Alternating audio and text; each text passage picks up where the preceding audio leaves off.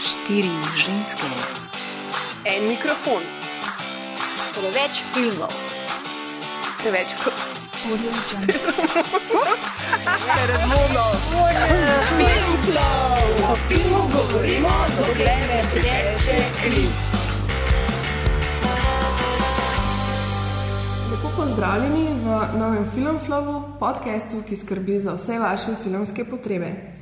Naše oddaje lahko najdete na dveh spletnih straneh in sicer na aparatus.si ter na filmflow.si. Pofrendate nas lahko tudi na Facebooku ali pa nam sledite na Twitterju in Instagramu. Danes so z Majo Vilov na Zvezdarski 1 v Ljubljani, kjer se nahajajo prostori Slovenskega filmskega arhiva in kjer je shranjen en del slovenske filmske dediščine. Prav ste oganili, danes se bomo pogovarjali o slovenskem filmskem arhivu in o tem, kako poteka arhiviranje filmov. Na pogovoru pa se nam bosta pridružila vodja slovenskega filmskega arhiva, magistr Lojs Tršan in filmska arhivistka, magistra Tatjana Rezec Stibil. Lepo pozdravljena. Lep pozdrav. Pa ja, najbolj, da začnemo kar na začetku. Uh, tako da bi se prvo vprašanje glasilo, kdaj je bil ustanovljen slovenski filmski arhiv in kaj je v bistvu njegova primarna naloga.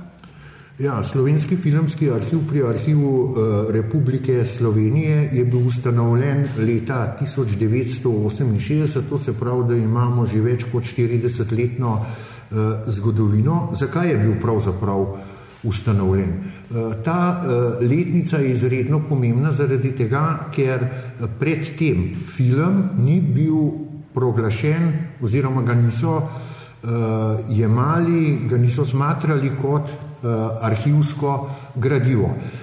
S tem je, ko je bil sprejet nov zakon, je film dobil pravo mesto med uh, drugimi uh, dokumenti, kar je pomenilo, da je film postal del nacionalne dediščine, del nacionalnega arhivskega gradiva in s tem kulturni spomenik. Seveda je že predtem podjetje Triglav Film in Viba Film skrbela za hrambo arhivskega uh, gradiva. Zakaj pa so se takratni zakonodajalci uh, odločili, da bo slovenski filmski arhiv ravno pri Arhivu Republike Slovenije pač iz več vzrokov. Hoteli so poenotiti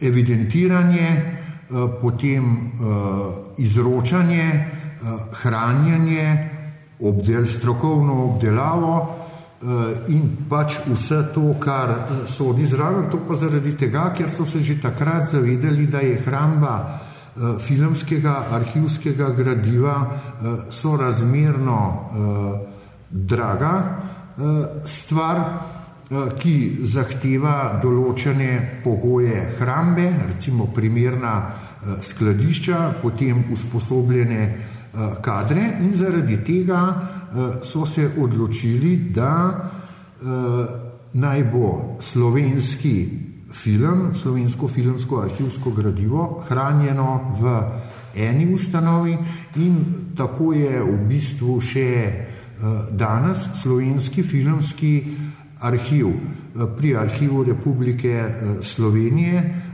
skrbi za film v Sloveniji, potem pa tudi zbiramo podatke oziroma, oziroma pridobivamo filmsko arhivsko gradivo, ki je, ki je pomembno za zgodovino slovencev, bodi si, da so, ga, da so filme snimali tuji snemalci, recimo iz okoliških držav Italije, Avstrije, Mačarske, pa tudi iz drugih delov nekdanje Jugoslavije.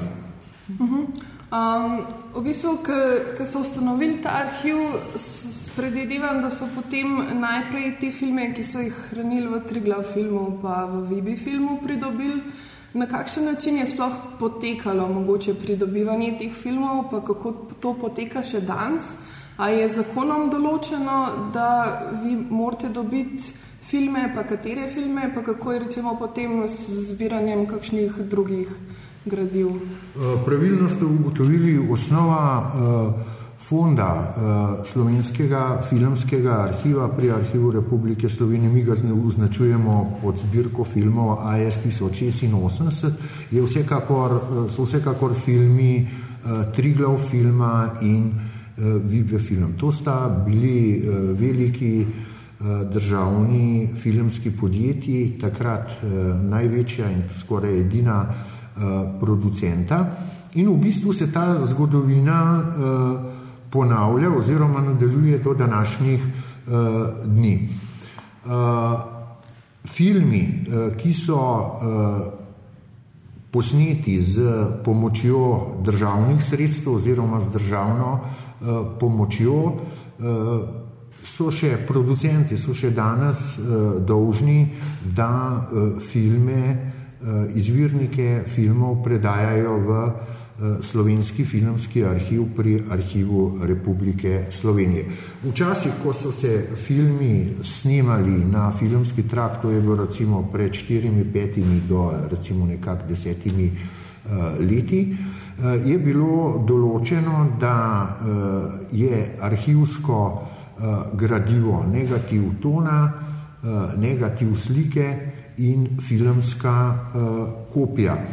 Eh, danes, eh, ko se filmi pretežno snimajo v digitalni obliki, eh, pa je predstavlja izvirno filmsko gradivo, predvsem digitalni master in nekateri drugi formati, o tem bomo pa potem več, ko se bomo Eh, pogovarjali o eh, digitalizaciji oziroma eh, o novih trendih v filmski arhivistiki, pa tudi pri snemanju filmov. Seveda pa so poleg, poleg teh dveh fondov, ki sta seveda na filmskem, na filmskem traku pomembni, tudi drugi Eh, producenti, predvsem bi tu omenil Unikal film in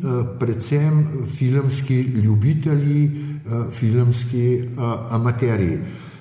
Seveda ne pozabimo nikdar poudariti, da je v našem filmskem arhivu najstarejši uh, slovenski film ali bolje rečeno trije kratki filmčki doktorja uh, Karla Grossmana iz let 1905 in 1906. Uh, to je odhod od Maše v Ljutomeru, potem sejem v Ljutomeru in na domačem vrtu, potem so tudi še velike kolekcije, recimo Božidarja Jakca, ki je bolj znan kot slikar, vendar je bil tudi velik uh, filmar, uh, potem metoda Badjura, Veličana, Beštra, to govorimo predvsem o predvojnih filmih, filmih pred drugo svetovno vojno. Potem so pa zanimive tudi nekatere zbirke oziroma nekatere donacije filmskih amaterjev po uh, drugi uh, svetovni vojni, recimo, uh, to je predvsem je pomembna recimo, ali pa zanimiva uh, kolekcija uh, gospoda uh, Rodeta, uh, ki je bil mimo grede tudi uh, predsednik uh, fotokino uh, klubov, uh, Zveze fotokino klubov Jugoslavije in recimo uh, kot zanimivost, da imamo tudi uh, filme, ki jih je uh, snimal uh, jugoslovanski državnik Edvard Kardel. Oh, wow. Kakšni filmi pa to so? To so, recimo, en film je izredno uh, zanimiv, recimo, uh, kako so uh, živeli oziroma kako so uh, letovali na Brdu pri Kranju, recimo, to so bili Kardeljevi uh, To so čist insiderski uh, posnetki, recimo otroci od Krdelja, potem otroci od Rankoviča, kako so se igrali, kako so hodili na izlete in tako naprej. Ne. Večina Krdeljevih filmov pa je filmov iz popotovanj, ko je hodil po svetu. Recimo zanimiva, zanimiva kolekcija, seveda, ki pa zadeva oziroma ki pa zahteva še obdelavo. Kaj to pomeni? Vsi ti filmi so bili več ali manj snemani na uh, 8 mm filmski uh, trak in jasno, ne, uh, glede na je, da je 8 mm film, filmski trak precej uh, krhek, uh, jih bo treba telekinirati, to se pravi prenesti na uh, uh, digitalni uh, medij, Eh, da bojo potem nekako eh, dostopni za gledanje. Uh mhm. -huh. Tukaj sem v bistvu bolj tudi hodila vprašati, da si bojo poslušalci lažje predstavljali, kako sploh poteka um, recimo arhiviranje enega filma. Pa bi mogoče kar Tatjana to tebe vprašala, če bi mal povedala, kako poteka cel proces od takrat, ko vi dobite film, recimo pa zdaj, da jim rečete, en film na filmskem traku v arhiv kaj, skozi katere vse procese mora iti, da, um, da potem lahko rečete, da je arhiviran. Kaj vse se s tem filmom zgodi? Uh, ja, seveda, arhiviranje filma, tako kot vsakega ostalega oziroma drugega arhivskega gradiva, je kompleksen proces. Ko prevzamemo uh, uh, filmski naslov uh, v, uh, v našo zbirko, ga seveda najprej eh, evidentiramo, ga vnesemo v centralno evidenco, ga eh, kolega, ki za to skrbi, eh, pregleda, popiše njegove osnovne tehnične značilnosti, od širine traku, dolžine, neke osnovne avtorje. Uh, in tako pridobi film svojo, bi rekli, signaturo oziroma matično številko, skratka, eh, številko, ki ga spremlja potem celo njegovo življenjsko obdobje in uh, po kateri se seveda film tudi išče. Ko je, ko je ta postopek opravljen, uh, gre film v skladiščenje, seveda se ga predtem, ukolikor ni, uh, da tudi v primernem balažo, vse to imamo pač nekako predpisano in že uh, desetletja pač ta sistem utečen. No, ko pride pa na vrsto, to seveda pa ni tako, ker filmov imamo le veliko, pa ga dobimo v roke arhivisti, filmski arhivisti, ki film natančneje popišemo. To pomeni, da se natančneje, natančneje popišemo njegovo vsebino eh, in na ta način potem tudi eh, je dostopen, eh, dostopen nekako javnosti, bi rekli. Kajti filme popisujemo seveda v, računalniš, v naš računalniški program, ki je skupen za celoten arhiv Slovenije in seveda za, za tudi ostalo arhivsko gradivo, to je tako imenovani skop arhiv.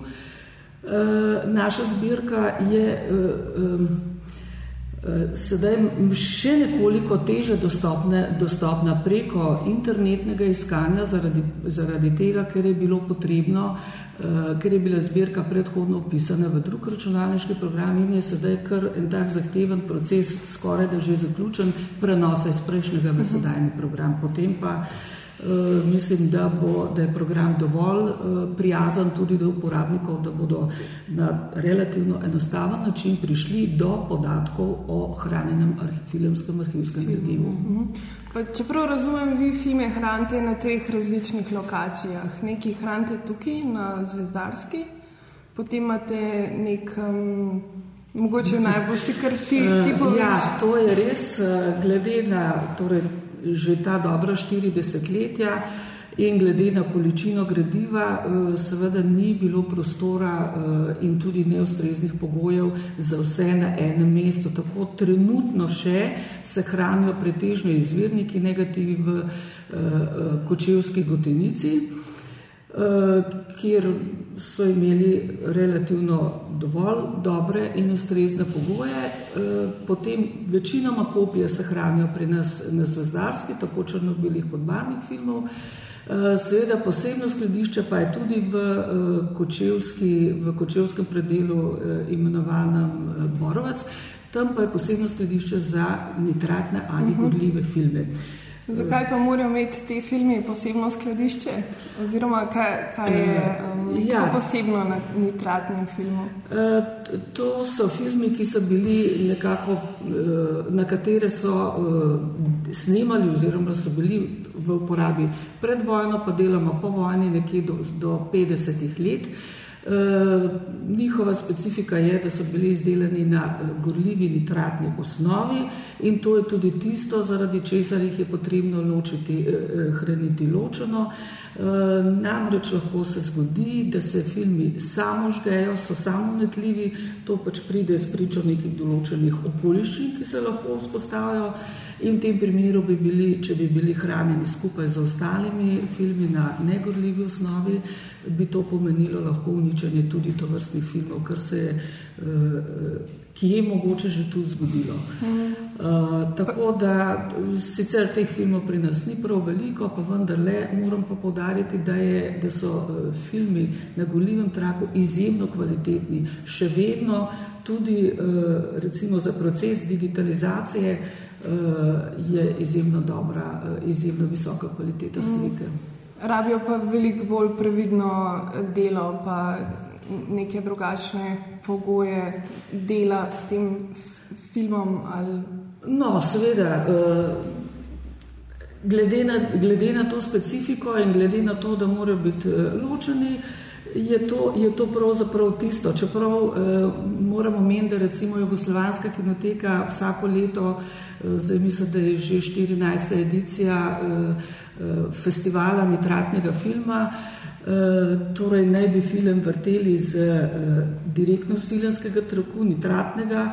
Eh, Kar pomeni, da je treba pač to vzeti v zakup. Ne? Seveda, se to ni, ni zdaj, kar, da bi kar vse splošno to kar gorel, ne? ampak uh, treba je pač biti previden, ne? da se da kljub temu ne bi prišlo do samožiga. To je v primeru, recimo, da bi se v primeru neka dovolj visoka temperatura vzpostavila in podobno. No, da, mm. Mogoče sam še bi se mečkano ostal na tej sami dostopnosti filma. Vi ste uh, javni arhiv, tako da so v bistvu filmi, ki jih hranite načeloma dostopni javnosti v smislu, da jih vsakdo lahko pride tukaj vam pogledati, um, pa ne vem, lahko uporablja gradivo, mogoče za ne vem, neke svoje seminarske naloge, kako v bistvu poteka ta, ta postopek, um, če bi nekdo želel. V bistvu... Ja, recimo, jaz hočem od Božidarja Jakca, ki si rekel, da je delal filme, recimo, jaz hočem videti ta film.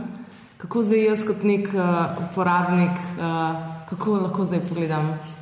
se to umetnino? Uh, lepo, da ste se ravno uh, spomnili na filme Božidarja Jakca. To je v bistvu je, uh, ta primer eden izmed bolj zahtevnih. Ti filmi Božidarja Jakca ne, so nastali izključno v zasebni produkciji. On je pač financiral kamero, svoj čas in tako dalje. V arhivu Republike Slovenije, filmskem arhivu, si jih lahko ogledate, ni nobenega problema. Potem vse na, nadaljne postopke, ne, če boste to vi filmi, film v celoti ali v uh, posameznih sekvencah uporabili ne, uh, in tako dalje, ne, odvisno za, kakšno, za kakšne namene, pa bi se morali domeniti, oziroma da vam da, dajo dovoljenje njegovi dedičini. To je eno. Vse, recimo, začeli smo z najtežjim uh, primerom. Uh, recimo, večina drugih filmov iz tako imenovane uradne produkcije ali državne produkcije pa je Eh, pa je pač postopek tak, da ravno tako se ga lahko ogledate v arhivu ali pa tudi recimo na filmskem uh, traku uh, v kinoteki ali kje, uh, ali kje uh, drugje. Uh, potem nekako tudi omogoča citat objavljanje odlomkov iz, posameznih, iz posameznih filmov, recimo za Eh, podkrepitev, kot ste ravno rekli, eh, kakšne diplomske, eh, seminarske naloge. Zdaj se pa lahko tudi, kdo so obiskovalci, recimo, ponavežemo na to v slovenskem filmskem arhivu. To so predvsem recimo zgodovinari, etnologi, potem študentje AGRFT in seveda tudi kakšni drugi. Ampak največji, največje uporaba pa je ravno recimo te, televizijskih hiš, ki recimo, ki ali filmskih ustvarjalcev, recimo, ki iščejo odlomke iz posameznih filmov za ponazoritev recimo svojih del, recimo o posameznih kulturnikih, umetnikih, popotnikih, recimo zelo zanimiva, zelo zanimiv je bilo oddaja oziroma film o znani slovenski svetovni popotnici Almi Karlin, recimo, in mi smo imeli, recimo, v bistvu smo imeli srečo, da smo imeli tudi filme Unikala, recimo, ki jih je snimal v Indiji, ona je potovala po Indiji in potem je, smo imeli mi posnetke, recimo Indije, v času recimo pred 40-50 leti, v bistvu tudi če bi šli danes recimo snimati, snemalci dol take Indije verjetno ne bi, kot je bila takrat, ne bi, ne bi več doživeli. Uh, je pa tudi mogoče videti vaše filme vsak ponedeljek v dvorani Slovenske kinoteke. Uh, to so tako imenovani, uh, oziroma so večeri slovenskega uh, filmskega arhiva. Uh, mi, uh, Arhiv Republike Slovenije, do sedaj nima lastne uh, filmske oziroma kino dvorane. Uh, tukaj so pač manjši prostori za ogled filmov iz uh, montažnih mis. In ravno zaradi tega zelo dobro sodelujemo s slovensko uh, kinoteko, uh, kjer vsak, uh, načeloma vsak ponedeljek, uh, pripravljamo uh, večere slovenskega uh, filma. Ti večeri so zelo različni. V, recimo je bilo obdobje, ko smo prikazali tako rekoč vso slovensko produkcijo, to je trajalo recimo 3-4 leta, recimo od leta 1945 do današnjega časa. Potem smo imeli, če me spomniš, to filmi, po, filmi o, po izboru, a ne so bili filmi po izboru, recimo, ko smo predstavili najljubše filme slo, ali slovenskih filmskih ustvarjalcev ali ljubiteljev filma, to je bil recimo, to so bili posebni uh, dogodki, uh, enkrat, uh, enkrat na uh, mesec.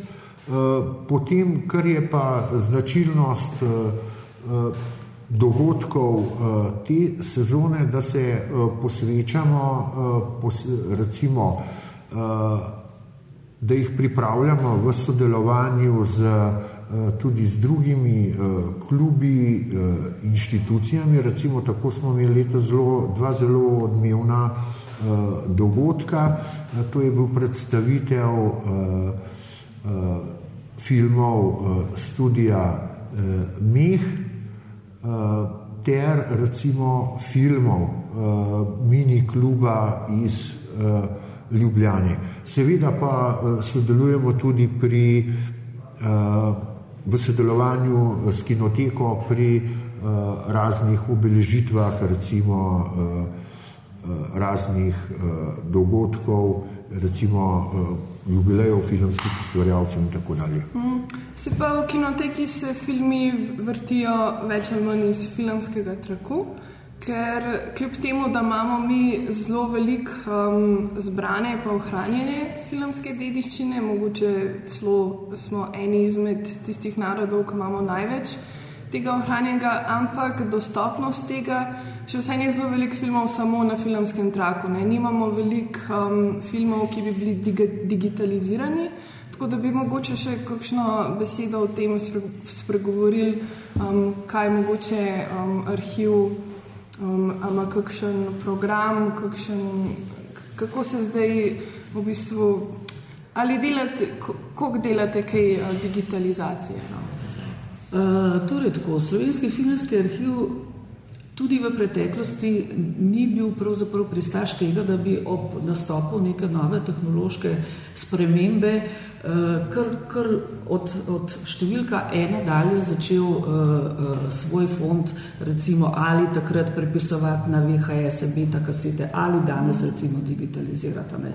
To je, to je tudi čist praktično nemogoče, finančno nemogoče. Uh, kar se tiče dostopnosti, ne, treba je vedeti, da uh, filmsko arhivsko gradivo je javno dostopno, tako kot vsako ostalo v arhivu.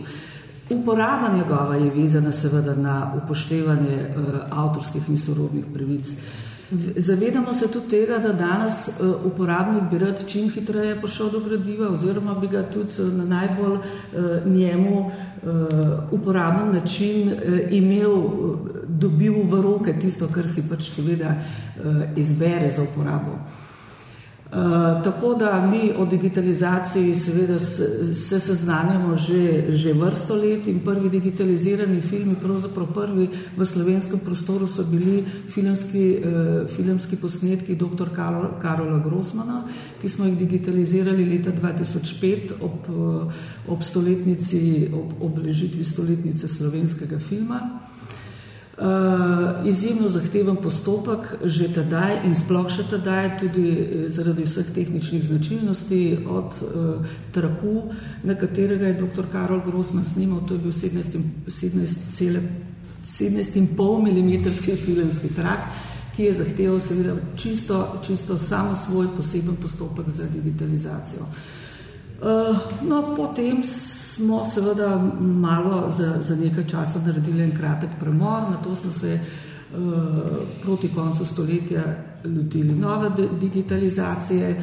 Uh, menim pa, mislim, da se s kolegom oba strinjava, da, da en tak uh, res strokovni, strokovni pristop uh, O strokovnem pristopu pa lahko govorimo šele, šele zdaj v zadnjih, v zadnjih letih. Seveda, digitalizacija je odvisna predvsem eh, od dveh stvari. Za digitalizacijo je potrebno imeti eh, filmsko materijo, to sicer imamo, in pa seveda drug pogoj, ki je pa še nekoliko um, tehnični v današnjih časih, so seveda finance. Mi eh, to sami veste, da so izjemno dragi postopki, nekakšna taka okvirna uh, uh, cena uh, digitalizacije celovečernega filma je približno 40 tisoč evrov sedaj ocenjena. Uh, tako da potem si lahko zračunate, ne, mi filmov samo celovečernih imamo preko 300 Eh, oziroma takih, ki bi jih bilo potrebno digitalizirati, recimo preko 200. Seznami obstajajo, mi imamo svoja merila, po, po katerih jih um, sestavljamo oziroma smo jih sestavili. Predvsem gre tu za filme, ki recimo uh, nimamo izvirnih materijalov pri nas. No, to smo že recimo naredili en tak uh, krizno obdobje, bil en tak film. Eh, ki smo ga uspešno digitalizirali v sodelovanju z Jugoslovansko kinoteko. Podoben primer so tudi eh, film, eh torej kek, filmi o kekcih, torej filmi o kekcih, eh, z, o katerih nas seveda vsi novinari sprašujejo, verjetno imate tudi vi na jeziku to vprašanje, pa vas bom kar prehitela. Eh, tudi izvednike za te filme eh, hrani zaenkrat še Jugoslovanska kinoteka in tako se za eh, digitalizacijo eh, Eh, dogovarjamo eh, in smo se dogovorili z njimi. Eh, seveda radi bi digitalizirali tudi kakšne kratke filme, kratke igrane filme, kajti to imamo izjemno, izjemno res bogato zbirko od teh vseh prvih avtorskih pristopov filmov Maka Sajka, Jožeta Pogačnika in še bi jih lahko naštevali. Vse imamo splanirano, samo ko, bo, ko bomo pač prišli nekako do ustreznih sredstev. Nekako planiramo, da pa vsako leto bo vsaj nekaj, vsaj nekaj filmov, upam, da bomo uspeli spraviti v digitalni format. Ja, mogoče v digitalizaciji še dodal, pred dnevi ne, sem se pogovarjal tudi z Matijo Šturmom, ne, iz, uh, Zviks. iz Viksa ne, in prišla sva nekako na idejo ne, uh, o digitalizaciji uh, animiranih oziroma uh, ljudkovnih uh, filmov. Zakaj je to zanimiva ideja? Ne? Uh, glede na to, prvič je ta fond animiranih in ljudkovnih filmov izredno dobro, so negativi dosti dobro ohranjeni, to je prva stvar. In potem sem se spomnil ne, tudi, da dolgo časa nismo imeli kopij za te filme. V tej zvezi lahko povem nekako zgodbo, ali pa tudi ne, da je pred leti prišel v arhiv Igor Prasel, ki se je začel takrat res intenzivno ukvarjati z animiranim oziroma ljudkovnim filmom in ugotovili smo, da za nek, tudi zaradi pomankanja sredstev, recimo za nekatere filme ni bilo, niso bile dostopne filmske kopije oziroma filmi so bili samo v zvirniku in vemo, če so filmi v zvirniku, iz zvirnika ne moramo gledati negativ tona, negativ slike. Ne? In takrat smo potem začeli intenzivno kopirati tudi animirane filme in ravno ta zgodba bi bila lahko tudi uspešnica, predvsem zaradi tega, ker na eni strani stoji uh, društvo uh, Zviks oziroma uh, društvo animir, slovenskega animiranega uh, filma in bi recimo v sodelovanju uh, z njimi pripravili en uh, izbor teh filmov, ki bi bili nedvomno zanimivi tudi za mednarodno javnost. Recimo prej kopije, zdaj potem digitalizirano gradivo. Ker vemo, te animirani in risani filmi, prvič je naša uh, slovenska produkcija dovolj močna in v svetu tudi uh, prepoznana. Uh, ja, zdaj prej smo se pogovarjali, da ima Slovenija 95% arhiviranih filmov, kar je en izmed največjih številk uh, nasploh. Pa v bistvu moje vprašanje je pa, ali obstaja pač kakšen film, ki je mit, ki vemo, da obstaja, ampak nimamo kopije slovenski film? No, to bi morda za, če gledamo celo večer za celo večerno produkcijo, bi morda to rekli malo teže. Jaz osebno ne vem, da lo sveš ti za kakšnega, da je eh, nekje v nekih eh, materialih se naslov pojavil, pa da ga ne, mislim, jaz za ne vem. No. No, mogoče, mogoče je bila nekako uh, fama včasih, ne, nek film, da je bil verjetno mislite, da je bil kakšen film o bunkerju. Ja. Mogoče to, to je bilo nekakšna fama filmu Oxygen, ampak v bistvu sploh ni bil v bunkerju, ampak noben ga ni prišel pogledati. To je bila mal, to je bila mal za lase privlečena, ampak pač nekateri so iz tega filma hoteli uh, narediti zgodbo, ne, da je bil neki film v nekem bunkerju. Recimo, to mi ni znano, mogoče da je, da je bil en medvojni film, ne, da ni bil sicer upisan v inventarju, ta pravi čas. Ne, to je bil recimo uh, to je bil prekop uh, Jelendol, to je bil v bistvu prekop. Prekop žrtev, ki so jih pobili partizani v okolici Ribnice. Ne. To je recimo mogoče, da je bilo to malo politično, da ga niso ravno, eh, ravno izpostavili, ampak v bunkerju nikoli ni bil. Recimo vsak si ga, bi si ga lahko v arhivu Republike eh, Slovenije, eh, v filmskem arhivu bi ga lahko si ogledal. Ne. Je pa seveda mnogo, v arhivu Republike Slovenije obstaja tudi velika serija scenarijev, posnetih in neposnetih filmov. In mogoče se vemo, koliko poskusov, recimo, snemanja filmov je bilo, ki, se niso, uh, ki se niso posneli. Recimo, nekateri filmi pa so bili uh, posnetih v nadaljevanju. Recimo, to, kdo z nadaljevanje filma je, bo, gremo mi po svoje, recimo, je enka, bila to je v novejših. Potem je bila, potem pa poletje v školki in poletje v školki eno. Ne? In recimo, ravno sva se pogovarjala s Tatjano danes, ne, da mogoče ima uh, trojko, uh, ne vem, posnet recimo tugo štiric, mogoče ima ta film še v glavi. Ne? No, tako da res recimo kakšnih velikih skrivnosti, da filmi ne bi bili posneti ali pa da bi izginili. To ni. Je pa res, ne, da od nekaterih filmov, kot je bil prej omenjen za kekce, ne, da del gradiva imamo, del izvirnega gradiva je pa shranjeno v drugih uh, kinotekah in drugih filmskih arhivov. Ampak glede na to, da smo člani, da je Slovenski filmski arhiv član FIAF, da smo leta 2005 uh, imeli celo kongres te mednarodne organizacije v Ljubljani, recimo, kar je velika uh, čast, sodelujemo tudi z drugimi kinotekami in arhivi po tujini, tako da uh, tudi uh, z njimi izmenjujemo, izmenjujemo Eh, filme, predvsem tisti, ki so pomembni za zgodovino slovenskega filma in recimo tisti, za tiste slovenske celovečerne eh, filme ali pa tudi druge, za katere nimamo, uh, nimamo izvirnih materijalov v Sloveniji. Ampak tudi lahko rečemo, da je tudi okrog 90, za 90 ali pa še več celovečernih filmov so izvirniki v Sloveniji, seveda pa tudi za kratke filme. Mm.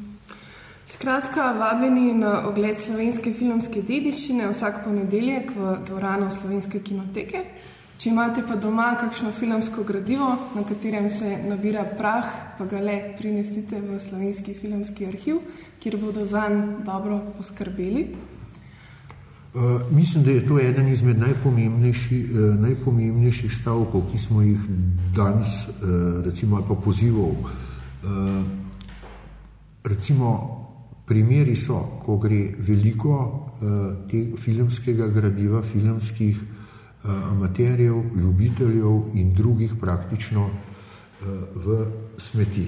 Se je že to zgodilo. To pa predvsem zaradi nepoznavanja, zaradi nepoznavanja materije. Uh, nekateri mislijo, recimo, to so stari filmi, nimamo aparatur, kako jih, bo, kako jih bomo gledali in, recimo, in jih potem zabrišajo tako rekoč na smetišče. Moramo se zavedati, da je recimo vsi ti posnetki izpred 50, 100, 80, 40, pa tudi izpred 20 ali 30, recimo, predstavljajo pomemben del slovenske, uh, slovenske zgodovine, kako so izgledali kraji, kako so ljudje živeli in tako dalje. Uh, tako, no, da uh, za te filme, recimo, Eh, lahko poskrbimo v slovenskem filmskem arhivu. To se pravi, prvič, da jih lepo shranimo, drugič pa, da se recimo dogovorimo tudi za presnetje na, na nosilce, na digitalne nosilce ali na ključke ali na DVD ali na računalnik, tako da lahko vso to dediščino recimo gledate. Uh, gledate tudi doma. Pa naj bodo to filmi, recimo o raznih proslavah, potem o družinskih praznovanjih, o, o, o kar se praktično mm. vemo, ne? recimo, kar je na filmu, je pomembno. Zato je tudi en velik poziv FIAF-a, zveze, eh, kot sem že prej omenil, eh, svetovne eh, zveze filmskih arhivov in kinotek, ne? ki poročajo, ne? oziroma ki sporočajo, ne mečite filma proč. Tako, najlepša hvala Lojzu in Tatjani za tale zanimiv pogovor. Uh, mi se slišimo ponovno čez dva tedna, vmes pa nam lahko težite na Facebooku, Twitterju ali Instagramu. Plus, če še niste, lahko rešite tudi našo anketo, v kateri vas sprašujemo o tem, kaj si mislite o Filmflowu. Bi si želeli česa več, česa manj, so vam vsebine zanimive. Skratka, zbiramo vaše predloge o tem, kako lahko naš podcast delamo še bolje. Tako da link do ankete najdete v zapiskih. To je to za danes. Hvala tudi vama za povabilo. Upam, da se bomo še kdaj srečali in morda kakšno temo malo bolj poglobljeno obdelali, kajti o našem arhivu in o delu, ki ga upravljamo, je pravzaprav veliko še skrivnosti. Tako da morda se še kdaj srečamo. Ja. Mi do zano gremo zdaj gledati filme, pa se slišimo drugič. Ok, važi. Čau. Čau.